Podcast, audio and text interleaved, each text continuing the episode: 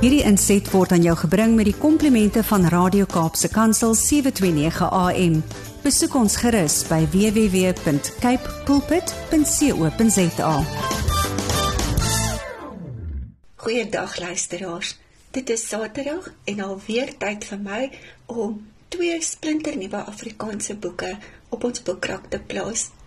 Die heel eerste titel is Wanneer skaduwees kantel geskryf deur die immer gewilde Elise Baker. Hierdie is die opvolg van haar topverkoper Stilvloei die Komati. Elise vertel ook hierna so bietjie meer oor haarself en haar skryfproses. Die tweede titel is Christina Landman se 'n lewe. Professor Landman gesels hierna ook so effens meer oor haarself en haar skryfproses. Heel eers lees ek die agterkant van Elise Baker se van jou skaduwees kantel 'n geestelike roman. Dis asof sy haar lewe nou in twee kan deel. Hierdie wêreld aanhou draai. Hierdie skaduwees bly kantel. Patriarg George van der Walt se verlede haal sy kleindogters na sy dood in. 'n Gas daag onverwags by Lenore se bruilof op met skokkende nuus. Die persoon wil met 'n mynbaas saamspan om 'n steenkoolmyn in die Laagveld te vestig. Die bewaringsstatus van Pateleer Lodge Reservaat, sowel as die Kolula renosterskuiling, word daardeur bedreig. Intussen tref die genadeloose sikloon Denio die naburige Mosambiek en dis kan die grens lei die reservaat ook daaronder. Ter duisende klimaatvlugtelinge word blootgestel aan mensenhandel en ontvoering in hulle soeke na veiligheid. 'n Sterk huursoldaat, 'n olifantbekoorder en 'n sokkerspeler verskyn te midde van die natuurrampe en aanvalle op die toneel. So word die drie van der Walt niggies, Lenore, Tarin en Bella, meegesleer in 'n gety van ontheemding, nuwe verhoudings en die gruwel van bos, slaghuise en diere vergrype. Die vroue ervaar ook persoonlike omwentelinge gedurende die draaikolk van gebeure. Hulle worstel met gevoelens van geestelike vervreemding van hulle hemelse Vader. Wanneer seer hulle bly inhaal, sal innerlike vrede hulle altyd ontwyk. Dan lees ek sommer so 'n gedeeltjie op bladsy 53, oftewel hoofstuk 6. Die weer is reeds aan die rammel toe hulle op Mambahoek aankom. Alles roer en bewe. Swals duikel in die reservaat se lugruim langs Stroomberg se karaanse. Bromvoëls draf pad langs op die paaie. Kuddes draai hulle koppe na die berge se kant. Die lug spreek van 'n komende storm met 'n wind wat deur die fluitjies dorings in die reservaat se Komati rivierkant sweep. Die batteleers is onrustig aan die vlieg rondom hulle nes. Barry gaan staan om op te verkyk aan hoe hulle styg en val, maar nooit beheer verloor nie. Die berghane, soos Chart hulle ook genoem het, se akrobatiese vlug kan mens vasgenaal hou. Die wyfie se wit vliegvere is altyd opsigtelik in hul vlug. Bella verkyk haar aan die mannetjie se skerp duike na die wyfie, sy hofmakery. Die wyfie tol heeltemal in die ronde in die liefdesdans. Die paartjie is 'n instelling in hulle nes in die boomryke area van die plaas. Dit is dan 'n gedeelte uit van jou skaduwees kantel, geskryf deur Elise Baker, wat al meer as 40 boeke gepubliseer het. Sy is 'n joernalis en 'n fotograaf by gemeenskapskoerant in Pretoria en sy spesialiseer in omgewingsjoernalistiek. Elise vertel nou so 'n bietjie meer vir ons. Wanneer skaduwees kantel, kyk na klimaatsvlugtelinge. Dit is die hooftema van die storie, maar die geestelike tema is ook wanneer mens 'n vlugteling by God word, hoe kom ons weer by God uit? Dit is die tweede boek in die Laafveld reeks. Die titel is Wanneer Skaduwees kantel en gaan meestal dan oor klimaatsverwarming en die groot orkaan wat daar in 1917 in Mosambiek was. Die orkaan se naam is Denio. Die orkaan het groot verwoesting gesaai en baie klimaatsvlugtelinge veroorsaak in Mosambiek, maar ook mense wat na Suid-Afrika toe gestroom het oor die Lebombo grens. In die eerste boek Stilvloei die Komati vertel ek die verhaal van die drie niggies, die drie van der Walt niggies se lief en leed in die Laagveld nadat hulle oupa oorlede is en alles draai rondom die plaas wat hy gehad het met die naam Batteleer. Die enige Lenore het daar 'n weeshuis vir renostertjies gevestig nadat hulle gevind is nadat hulle maas gestroop is. Die ander niggie, die in sy naam is Tarin, sy kom terug uit die ooste uit en ja, sy het 'n agtergrond as 'n sendeling en sy vestig 'n skuilhuis daar vir mense wat met mensehandel oor die Lepombo grens na Suid-Afrika, soos wat ons noem, gehuman traffic word. En ja, die laaste niggie se naam is Bella, sy's 'n forensiese speurder. Hierdie drie niggies dra swaar aan 'n tragedie in hulle verlede rondom 'n skietvoorval. In die tweede boek neem ek hulle saam waar hulle nou van hierdie tragedie in hulle verlede 'n bietjie verder kan aanstap en dit aan die Here se voete neergelê, maar ook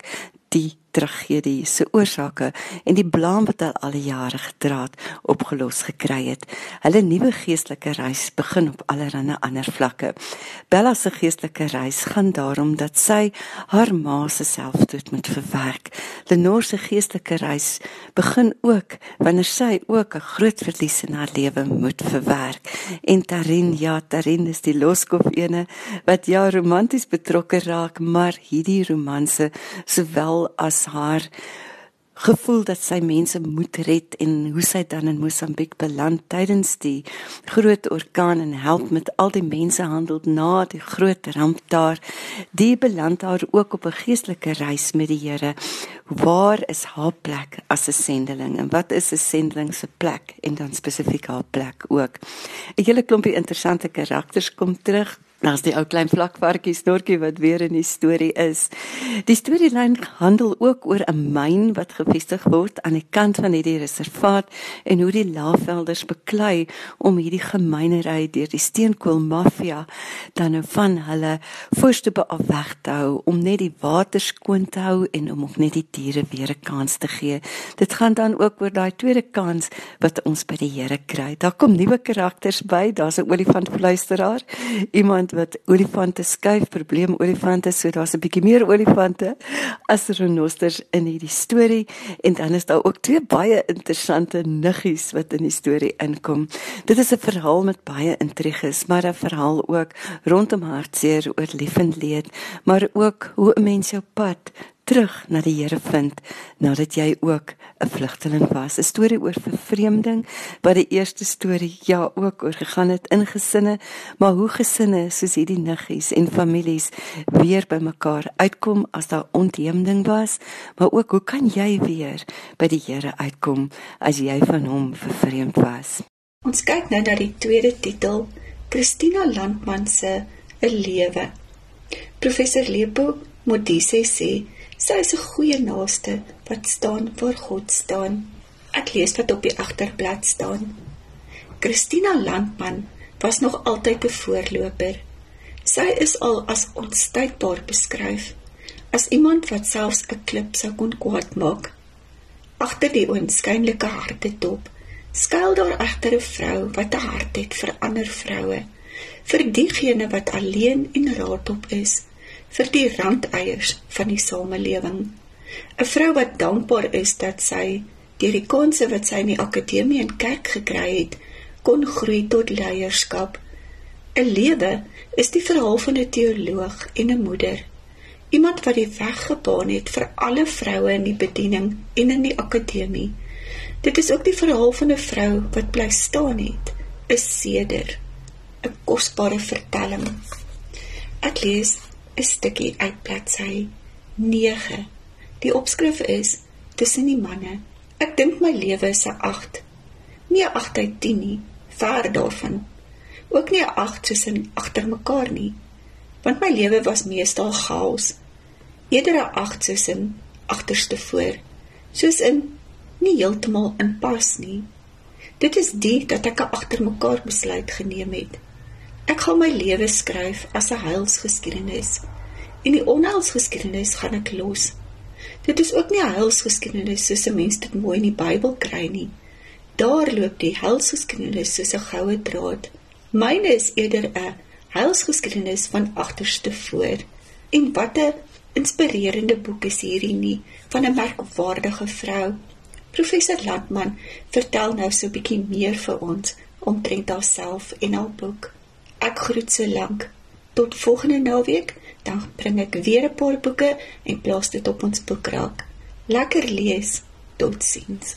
In die boek Christina Landman se lewe vertel ek hoe ek in 'n tipiese Afrikaanse huis groot geword het en in die wêreld geleef het wat in daardie tyd normaal vir meisies en vroue was. Maar dit was 'n klein wêreld. En so kan ek vertel hoe ek kansse gekry het deur my lewe om in 'n groter wêreld te leef. Al was dit 'n moeilike wêreld. By Unisa kon ek studeer onder en saam met die groot name in die teologie, nie altyd die hoofstroomname nie, partykeer die moeilikheid name. Uh, maar nou ja, ek kon by hulle studeer.